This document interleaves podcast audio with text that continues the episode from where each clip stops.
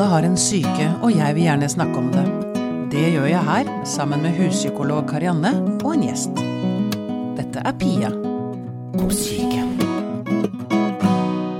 Du, Karianne, når jeg leser i media, så blir gjerne personlighetsforstyrrelse liksom Det er det samme som psykopat. Det er sånn Mordere har en, en personlighetsforstyrrelse. Er du enig i det? Nei.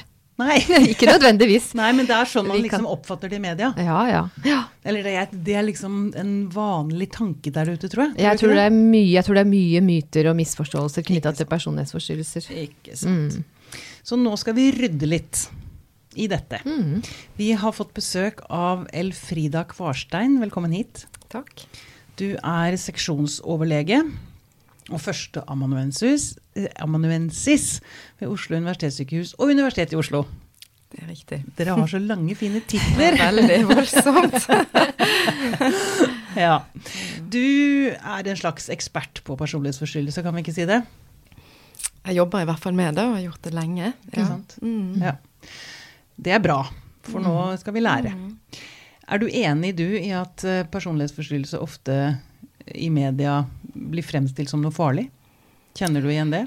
Uh, ja, jeg kan kjenne Jeg tenker media kanskje fremstiller det på forskjellige måter, men at folk kanskje husker godt akkurat den farlige siden Ja. av det.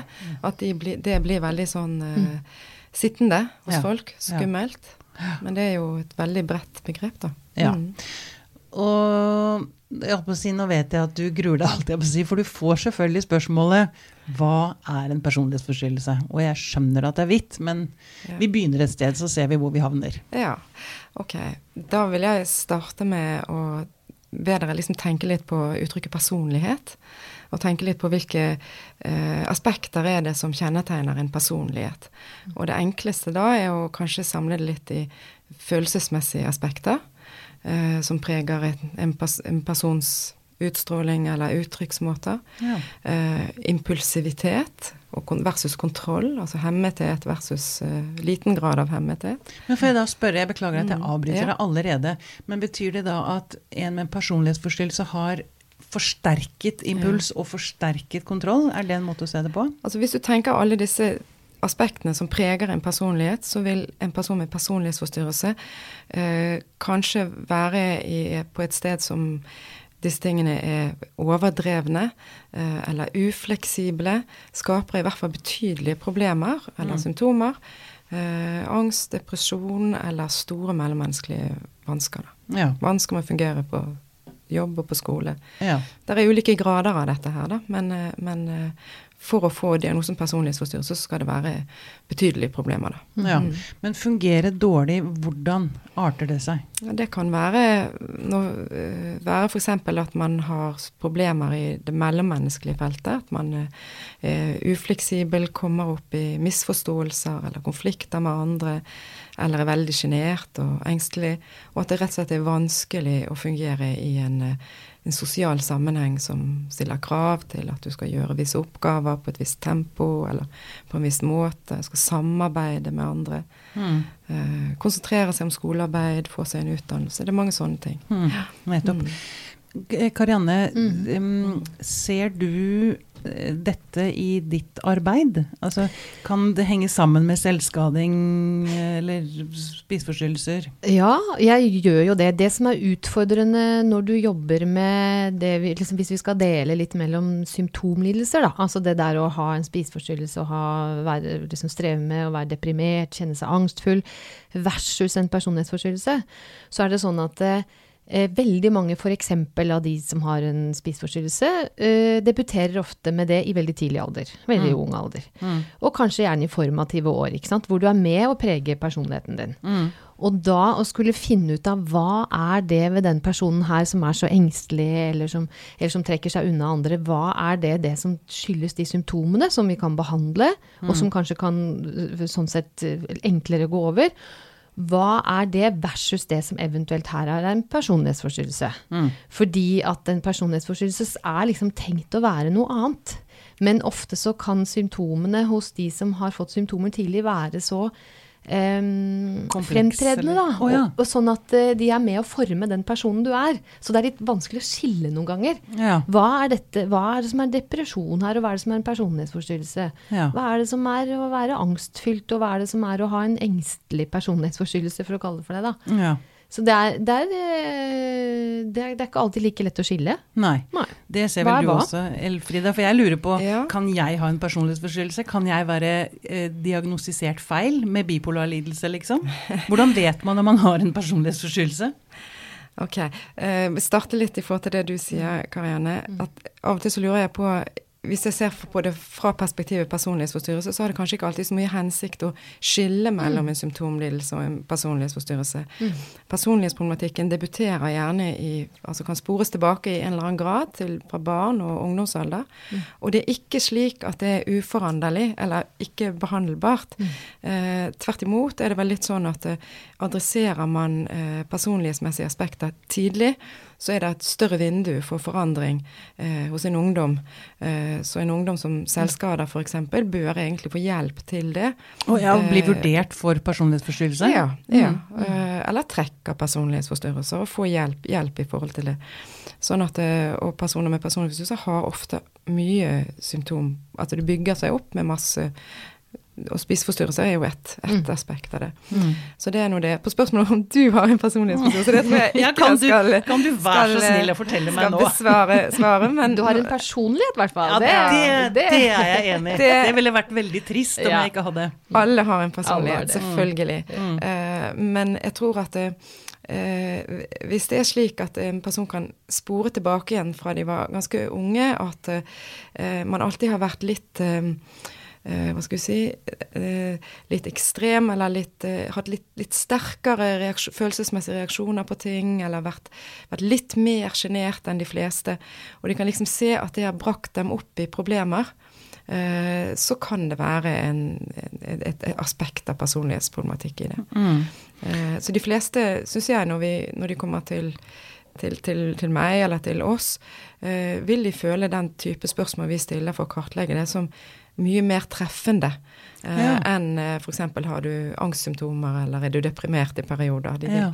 på en måte sette pris på det at man gjerne spør litt mer underliggende. Hva, hva spør dere om? det? Hva er, hva er typiske Da, spørsmål? da vil vi f.eks. Eh, ta utgangspunkt i mellommenneskelig situasjon, f.eks. Eh, og så vil de kanskje fortelle at, eh, at de er veldig sårbare for eh, å bli avvist, f.eks. Og tenker på det veldig mye, og at det preger kjæresteforhold eller mulige vennskap og sånne ting. Og så vil jeg kanskje spørre litt, ja, kan du fortelle litt om hvordan det, hvordan det arter seg? Eh, og så vil de kanskje fortelle om at, eh, at de misforstår lett. De tolker gjerne fort litt negativt hvis det, eh, eh, kjæresten sier et eller annet som kan gi en mistanke om at de kanskje ikke er interessert likevel, osv. At de føler at de er overdrevent sensitive, f.eks. på Ja. sånne, sånne ting. Bare for å ta ett. Men nå tenker jeg kanskje at jeg har et snev av personlighetsforstyrrelse. Men du, da kan jeg uh, slenge inn og si at jeg for, for mange år siden så gjorde jeg jo en studie hvor vi undersøkte personlighetsforstyrrelser og spiseforstyrrelser sånn over tid, da. Så jeg gjorde mange av de intervjuene der. Og det er sånn, når jeg Altså, for man skal virkelig ikke bagatellisere det, fordi det, det, er jo no, det er jo mange ting som skal til å sammenfalle for at man får en personlighetsforstyrrelsesdiagnose. Men når jeg gjorde det intervjuet og kom til enkelte spørsmål, så tenkte jeg hm, akkurat sånn har jo jeg det også. akkurat. Altså sånn at jeg tenker, altså det, Dette her er vel mer sånn noe man har mer eller mindre av, og ikke nødvendigvis noe man har eller ikke har. Mm, nettopp. nettopp. For jeg har hørt, tror jeg, mener jeg, at hvis man ikke har noen forstyrrelser på personen, så er man flat. Altså da er man så kjedelig at det er ikke noe vits å være sammen med deg, liksom. Stemmer det? Ja, og, og det er klart, må, det er, der er på en måte et generelt kriterium som man først må tenke. Er det slik at det er problemer som medfører betydelig belastning eller, eller problemer? Og så kan man forsøke å, å tenke litt sånn ja, hvilke, hvilke aspekter er det dette handler om? Er det det følelsesmessig, eh, sterke følelsesmessige reaksjoner, eller er det impulsivitet eller sjenanse, eller hva, hva, hva går det i, på en måte? Det vil være viktig i forhold til behandling, eh, å forstå eh, hva det dreier seg om. Ja. Mm. Eh, eh, Nå ordlegger jeg meg sikkert litt feil, men eh, det vi snakker om nå er jo en på å si, hyggelig personlighetsforstyrrelse. For det er vel også altså Psykopati og narsissisme er vel også personlighetsforstyrrelser, er det ikke det? Jo da. Som er litt vanskeligere å være rundt, eller som er mer hva skal vi si, De er mer skadelige for andre. Er det ikke det? For de, de, den personlighetsforstyrrelsen vi har snakket om nå, skader jo en, en selv. Ja, eh, det er litt både òg. Alt det vi har snakket om hittil, kan selvfølgelig ha store implikasjoner for dem som lever tett innpå.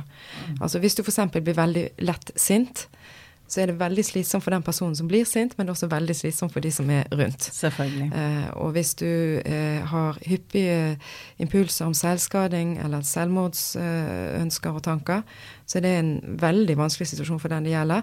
Men det har også betydelige implikasjoner for alle rundt som blir bekymret og, uh, og må passe på osv. Så, videre. Mm. uh, så det veldig krevende situasjoner. Så både dette med sinne, som er et, et viktig aspekt som kanskje man undervurderer av og til, og dette med, med selvskading er liksom ting som bidrar til at mange med ulike typer personlighetsforstyrrelser har egentlig problemer som, som har implikasjoner i relasjoner til andre. Ja. Og så har du de to aspektene som du, du eh, viser til. Og så er det jo litt sånn at man kan si at ja vel, enten så er du narsissistisk, eller så er du eh, dyssosial eller psykopatisk. Men det er ikke alltid at personer passer inn i disse boksene, eller disse kategoriene. Sånn at man kan ha litt trekk fra forskjellige personlighetsforstyrrelser. Ikke sant? Så det, så, så det er litt kunstig å lage sånne typer. Men er, det, er ikke det Kan vi ikke si, nå spør jeg dere begge, kan vi ikke si det om alle typer diagnoser? At det å kategorisere deg i bare én diagnose liksom reduserer deg, da? Eller misforsto jeg nå? Jo, jeg, jeg, jeg, tror nok at det blir mer og mer en sånn forståelse i mange di diagnoser at det blir det vi kaller for dimensjonalt, altså som en Ja. gradestokk.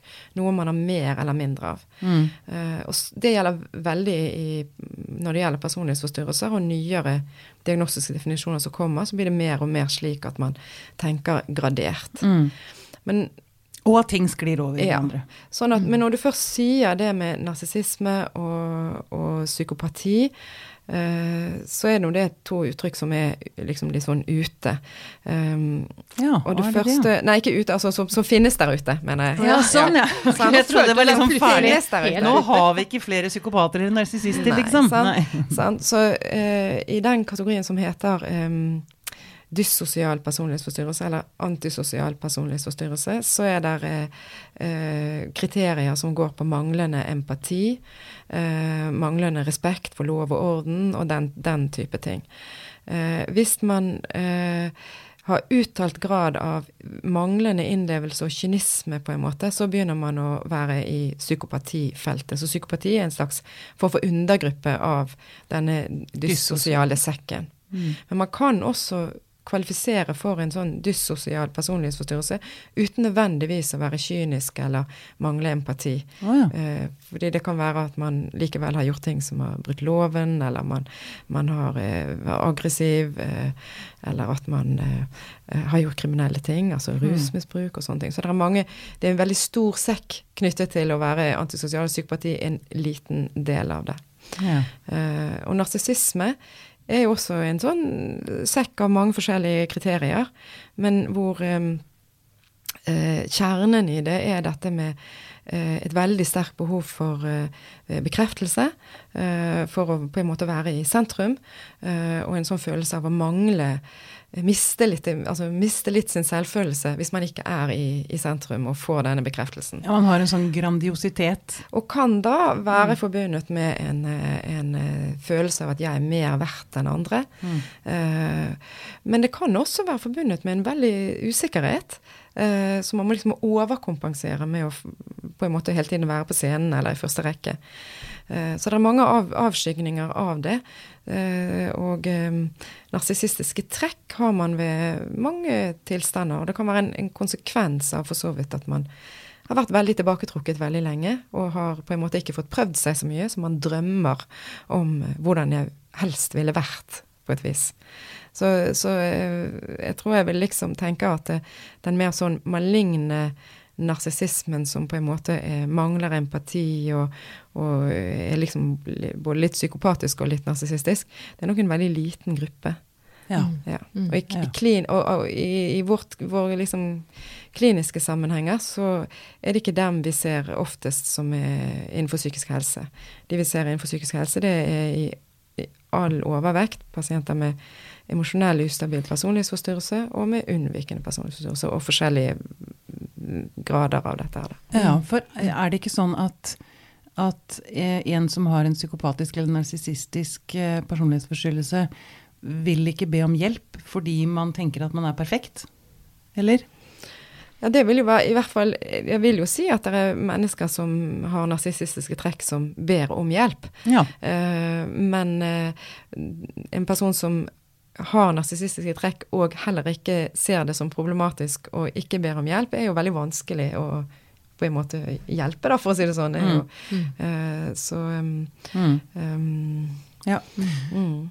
Men, det, men igjen så må vi huske på det at det er for at du setter en personlighetsforstyrrelse, så skal det være en funksjonssvikt og en symptombelastning. Så dette er ikke en sånn beskrivelse av veldig velfungerende, men usympatiske mennesker. Nei. Mm, Nei, men jeg tenker, ikke sant. Det finnes jo, man hører jo om ledere, f.eks. Mm. Altså de, folk si, kaller dem psykopater. Altså jeg vet ikke hvor riktig eller galt det er, men kan vi ikke se det sånn at, at altså, når man er veldig, veldig opptatt av å få makt, Mm. så er det noe som altså, Og når makten blir viktigere enn omsorgen for sine ansatte eller sine omgivelser, så er vi vel inne i dette sjiktet, er vi ikke det? da? Vi er inne i det sjiktet. Men så er det jo også eh, en del sånne eh, beskrivelser av det at makt i seg selv eh, forsterker en sånn Ja. hybris eller en sånn eh, tanke om at jeg er mer verdt enn andre. Så du skal, det skal kanskje være et eh, skikkelig godt og balansert menneske som tåler å stå i den lederstolen uten å bli litt eh, Full av seg sjøl. Litt narsissistisk. Ja. Mm. Hvilke tanker gjør du deg, eh, Karianne, når du sitter og hører på Elfrida?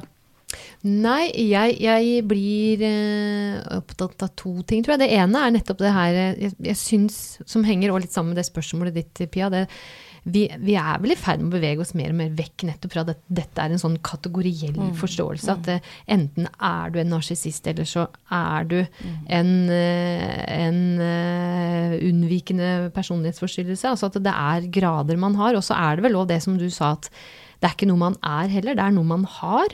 Sånn at, eh, fordi når jeg gjorde den studien for mange år siden, så var det jo interessant å se for hvert tidspunkt som vi målte, så så vi jo at eh, det var færre og færre som tilfredsstilte kriteriene til en Ja, personlighetsforstyrrelsesdiagnose, da. Ja, ja. Selv om vel det egentlig tidligere var tenkt at det var nokså statisk og lite fleksibelt og og så har, den, har, den, har, den foran, har det forandra ja, det seg har jo nå? det. Altså, de, forskning på personlighetsforstyrrelse skjøt liksom fart etter 1980, når Ja. det kom noen diagnosesystemer som ga kriterier og cutoffs for hva som er diagnose, på en sånn, litt sånn forskningsmessig, operasjonell måte. Eh, og da ble det satt i gang en del sånne studier som fulgte uh, befolkninger over en over periode med repeterte undersøkelser.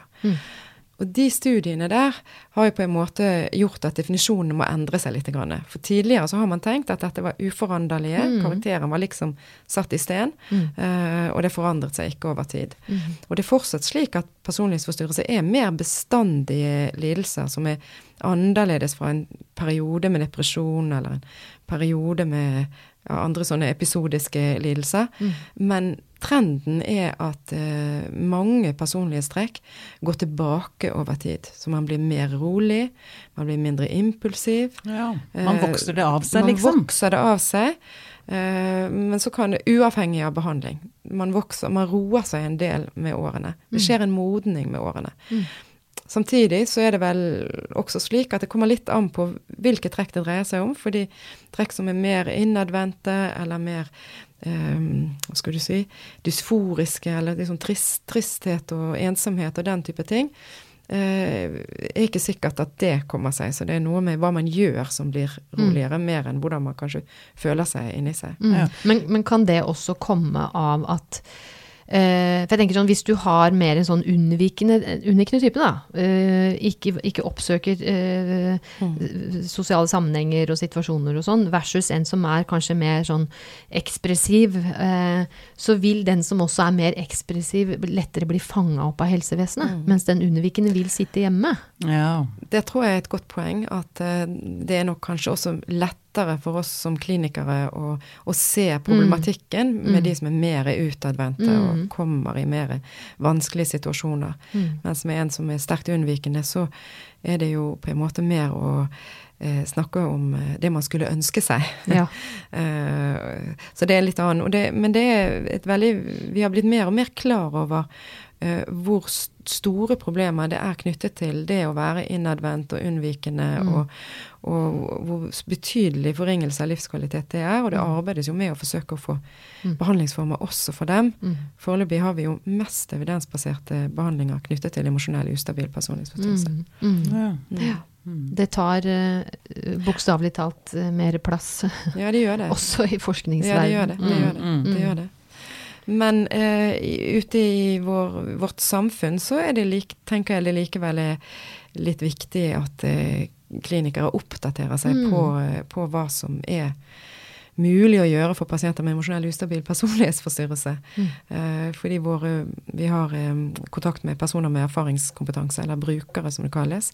Og de kan fortelle rundt omkring i Norge at det er veldig klinikeravhengig eh, hva slags, hvordan de møtes. Om det gjøres en ordentlig utredning, og hva slags behandlingstilbud de har. Så det er litt for avhengig av klinikers interessefelt. Eh, så det er litt behov, tenker jeg, for å slå et slag for å få standarden opp i Norge. Ja, og det, jeg har tenkt å komme litt tilbake til det, for grunnen til at jeg fanget det opp, var en artikkel om at det er positive Man ser positive ting i eh, behandlingsformen.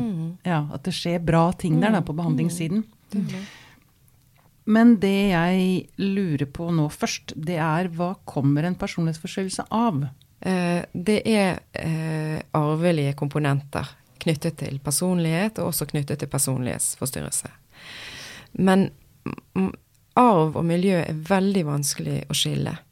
For hvis du har en arvelig tilbøyelighet til visse temperamentsfaktorer, eller at du har et sterk, sterke følelsesmessige reaksjoner, eller sånne ting, så er det sannsynlig at dem du vokser opp sammen med, som utgjør ditt oppvekstmiljø, har noen av de samme trekkene. Eh, det vil også bidra til at ditt oppvekstmiljø kanskje blir eh, på en eller annen måte farget av eh, de samme problemene. Så arv og miljø påvirker hverandre. eh, Men uavhengig av Så det er en viss arvelig sårbarhet.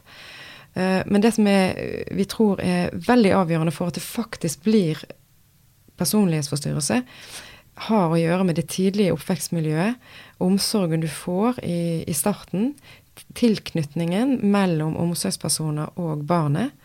Og det viktige er at den tilknytningssituasjonen er tryggest mulig. I en trygg tilknytningssituasjon, da vil barnet utvikle et mer robust og sunnere forhold til seg selv. eh, og ha eh, lettere for å knytte seg til andre senere. Eh, være, ha større forståelse for eh, Altså dette at vi søker Samspill, hjelp eller- for samspill. Mm, mm. Men dette at, vi, at et barn naturlig søker hjelp når det blir urolig eller lei seg eller et eller annet. Hvis den utvekslingen der forstyrres fordi mor eller far ikke er tilgjengelig, eller er syke selv, eller, er, eller at det kommer et fryktelement inn.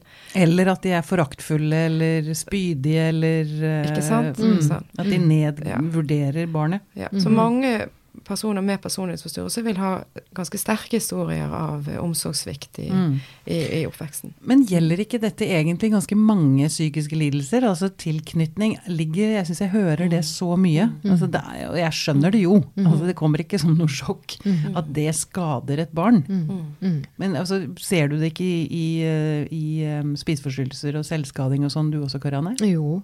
Eh, og jeg tenker det er, det er vel litt sånn at vi, ikke sant, vi alle er født inn i verden med hver vår egen type sårbarhet. Eh, og så er det hvordan det blir møtt på omgivelsene som avgjør om de, hva skal man kalle det, sårbarhetsgenene, da, eh, eller den tilbøyeligheten blir slått på eller ikke. Slår ut i full blomst. Ja. ja. Mm. Så det tror jeg er veldig viktig i veldig mange utforminger av psykiske vansker. Ja. Mm.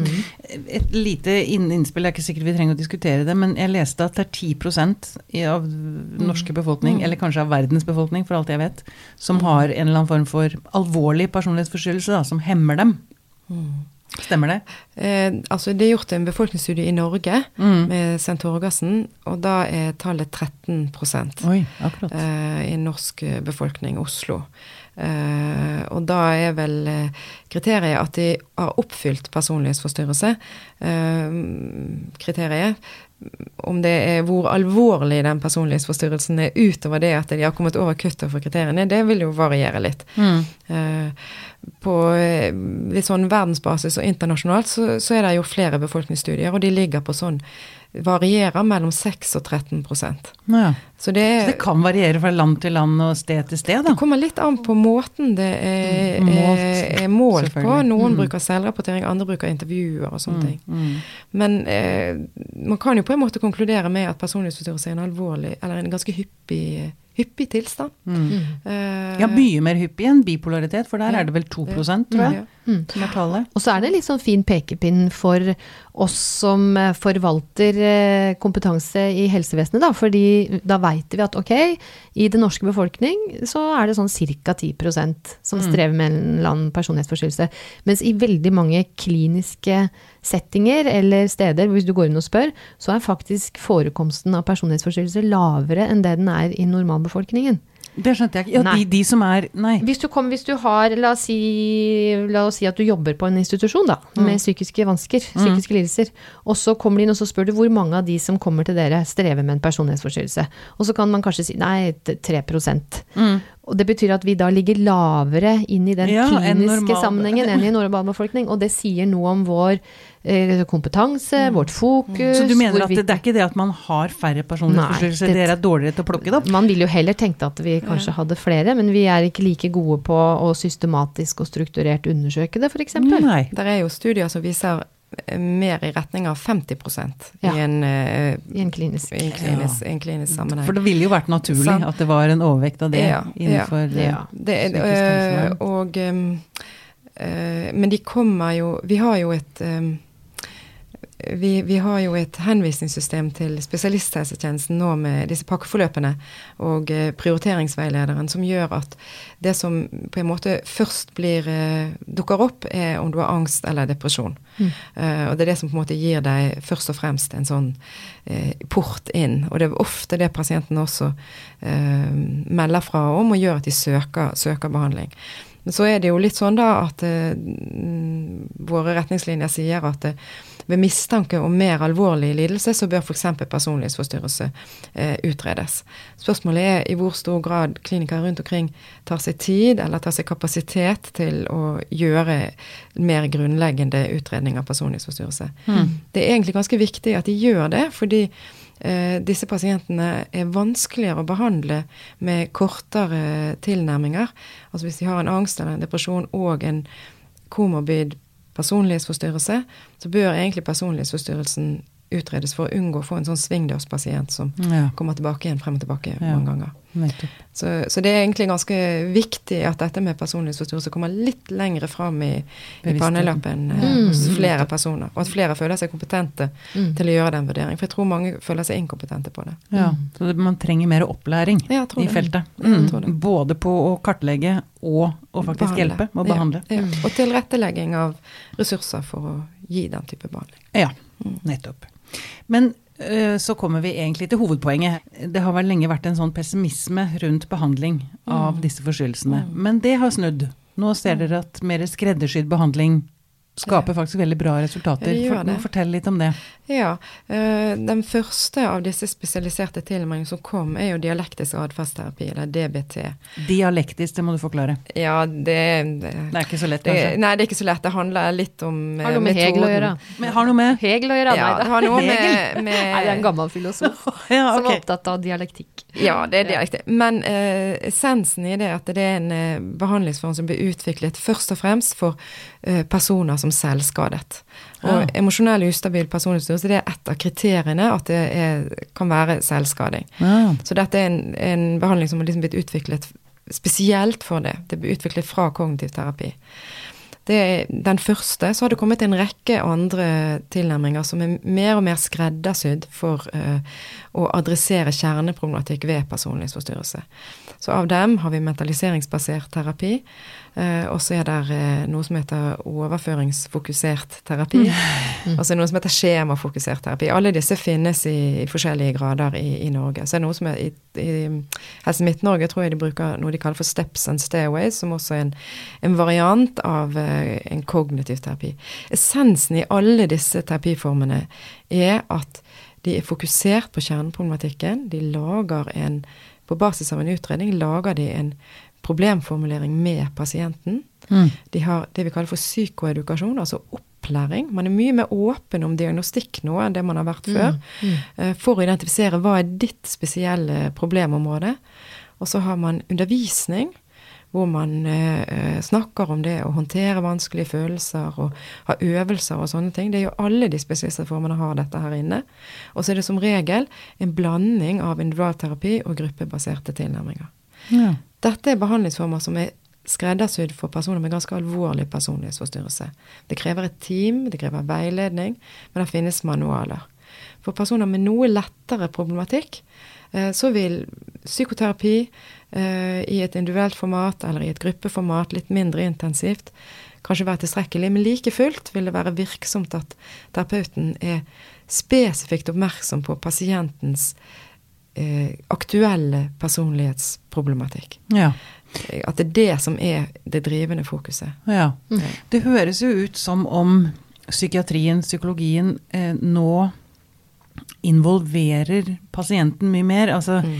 eh, jeg reagerte jo i sin tid på, altså da jeg fikk diagnosen, at det var mm. veldig mye sånn ovenifra og ned-prat. Mm. Men det høres ut som dere involverer altså, mm. Pasienten er nesten som man burde slutte å si det. Involvere personen ja, ja, ja. I, i, denne i, Altså at, at dette samspillet, samarbeidet, nettopp fordi man kanskje har tilknytningsvansker fra barndommen, så er det så viktig å bli møtt likeverdig. Jeg skjønner at en behandler må være må ha, altså det, er, det er et visst skjevt maktforhold, og det må det være òg, men allikevel at, at respekten ligger der, da. At man ja, involverer. Mm. Så jeg tror du toucher noe som er helt sentralt. Fordi noe av det som er virksomt i alle terapier, handler om at det er en god allianse mellom ja, allianse. Eh, pasient og terapeut. Mm. Eh, og det er akkurat tilknytningen, alliansen, eh, å forstå hva man skal gjøre i det hele tatt i terapien, som er et kjerneproblem ved personlighetsforstyrrelse. Mm. Så en av de tingene som har gjort at de har vært vanskelig å behandle tidligere, har vært at mange har droppet ut av terapi. Altså at de har ikke klart å opprette et tillitsfullt forhold. Mm. Så denne forsterkningen i disse her terapiene jeg nevnte i sted, handler egentlig om å, å, bygge opp en større grad av felles forståelse for hva det er vi skal jobbe med her i terapien. Mm. Mm. Det tror vi er helt essensielt. Ja. De forstår ikke folk umiddelbart, selvfølgelig. Mm. Nettopp. Mm. Nettopp. Jeg vet også at du har en eh, kampsak. Pakkeforløpene. Å, nå er jeg spent! ja, altså eh, pakkeforløpene er fine. Eh, for, I personlighetsforståelse vil jo det gjelde det, det, generelle pakkeforløpet for voksne, for voksne da. Eh, og de er fine på den måten at de, eh, de understreker betydningen av, av, systematisk utredning, av evalueringsinstrumenter og, og repeterte evalueringer underveis. Mm. Og det passer ypperlig i slik vi tenker personlighetsforstyrrelse trenger å, å, å behandles. Uh, men det kan hende det er et problem at så alvorlige lidelser ikke har et eget pakkeforløp. Uh, fordi i en hektisk hverdag så kan personlighetsproblematikken bli, fort bli litt oversett. Så jeg skulle nok ønsket meg at vi hadde mye tydeligere retningslinjer for eh, å identifisere denne underliggende problematikken og ha tydeligere retningslinjer for hvordan man skal hjelpe disse pasientene. Mm. Vi har retningslinjer som er for så vidt under revisjon nå for dette med selvskading, men vi har ikke identifisert det for pasientgrupper med personlighetsforstyrrelser. Eh, så vi, vi, har på en måte kommet et stykke på vei, men vi kunne ha gjort mye mer. Og et ledd i den prosessen der kunne være å eh, på en måte mobilisere en litt større felles forståelse på tvers av regioner, kanskje på nasjonalt nivå. Eh, så man er enige om visse fellestrekk for hva som trengs i de ulike eh, helsetjenestenivåene for å adressere personutstyret, så at man lager en slags form for nasjonal konsensus om det. Hvorvidt det er nasjonale retningslinjer, eller det er en, en annen form som eventuelt et helsedirektorat ville ønsket funnet eh, hensiktsmessig, det vet jeg ikke. Men at det er behov for å standardisere for at helsetjenesteplanlegging kan bli bedre for den pasientgruppen. Mm. Ja, Karianne, fikk Ja. du Du var Ja. spent, sa du? Ja, ja, jeg var, det, det var jeg, øh, fordi det som øh, har Som jeg syns har vært problematisk med pakkeforløpene fordi en ting er de nasjonale retningslinjene, men pakkeforløpene er at det sier jo ikke nødvendigvis noe om den kvaliteten man gir Nei. på behandlingen. Nei. Eh, Så det er, det er viktig med utredningsverktøy, det er fint å få standardisert, og det er fint å få mindre lokale forskjeller når det gjelder fokus på somatisk helse, f.eks. Altså det, det, og samarbeid, ikke minst, med fastlege og sånn, for det er jo noe av det pasientene opplever problematisk ofte. Ikke sant? At vi sitter på hver vår eh, tue, og så samarbeider vi ikke, så det er fint. Men, men enda mer sånn standardisering knytta til hva er kvalitet i behandlinga? Ja. Hvordan vil pasienten oppleve at dette har vært en behandling som har gjort at jeg har fått det bedre? Ja. Det er jo et savn i pakkeforløpet. ja. Mm. Nettopp. For det er store forskjeller, avhengig av hvilket fylke eller hvilken kommune, eller, ikke sant? og Ja. også personavhengig. Ja, de sier det. Mm. Vi har ganske gode rapporter på det. Ja. Mm. Og det, det er liksom bedre å ha en personlighetsforstyrrelse hvis du bor på Frogner enn Kautokeino, for å Jeg vet ikke hvor det er best. Eh, Nå, det nå, nå jeg dømmer jeg Kautokeino, det kan hende det er helt motsatt. Det, Ja, det, er en- for den del. Ja, Frogner, ja, ja. men, men det må jo sies. Det er, det er store forskjeller, men det er også ganske mange gode og flotte innsatser mm. rundt, rundt omkring. Og, mm. og mange som er veldig opptatt av å bygge det opp. Eh, så, så jeg tror også det er ressurser, masse ressurser der ute, og ildsjeler. Det der er også et nettverk for personlighetsforstyrrelse, som er et samarbeid mellom I dag teller vi det kanskje 18 enheter, 18-19 enheter. Og da snakker vi om samarbeid mellom behandlere. Ja, altså et, et nettverk hvor klinikere samarbeider om å gjøre utredning på samme måten og evaluere på samme måten, Ja. og utvikle forskning på eh, hvordan det går i, i behandling. Mm. Så det finnes jo en god del sånne initiativer og, og samarbeid som eh, ligger der, men det kunne ha vært eh, eh, organisert bedre fra, eh, liksom fra oven, holdt på å si, fra nasjonalt hold. Ja. Mm. Mm. Så det høres ut som noe av det viktigste her er egentlig opplæring, da. Informasjon, Mm. som vi driver med her, Mm. Ja. Absolutt. av, eh, av helsepersonell. Mm. ja. Det kunne løfta bra. jeg tror det. Ja. Dette er ikke noe som eh, er sånn altså veldig egnet for, en, for enkelte ildsjeler alene rundt omkring. Dette er veldig stor grad teamarbeid, og man, man trenger å være sammen. Dette er krevende behandlingsoppgaver, og det er krevende for pasienten òg. Mm. Og det er det å prøve å forebygge en kronisk utvikling som det Ja. handler om. Det handler om å prøve å få folk mer og mer ut i så mye arbeid de kan klare, tatt igjen gap fra mangler fra skolen, Mm. Fungere bedre som foreldre og unngå innleggelser og selvmordsforsøk. Ja. Og kanskje, som du sa i sted, ta det tidlig. Mm, Altså, ta det tidlig. Prøve å Ja. mm. Og det er håp. Det er håp. Det er håp. Det er veldig viktig å si. Det er jo, det er jo den beste avslutningen vi kan ha. Mm. Mm. Er det noe du har lyst til å legge til, Elfrida, før vi avslutter, som du tenker vi ikke har fått sagt?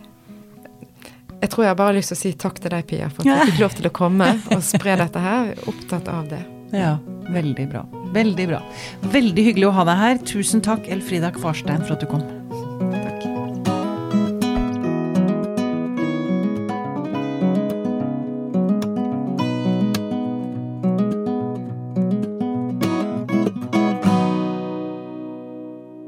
Denne Podkasten er produsert av Tid og Lyst. Med støtte fra stiftelsen Kåre Berg.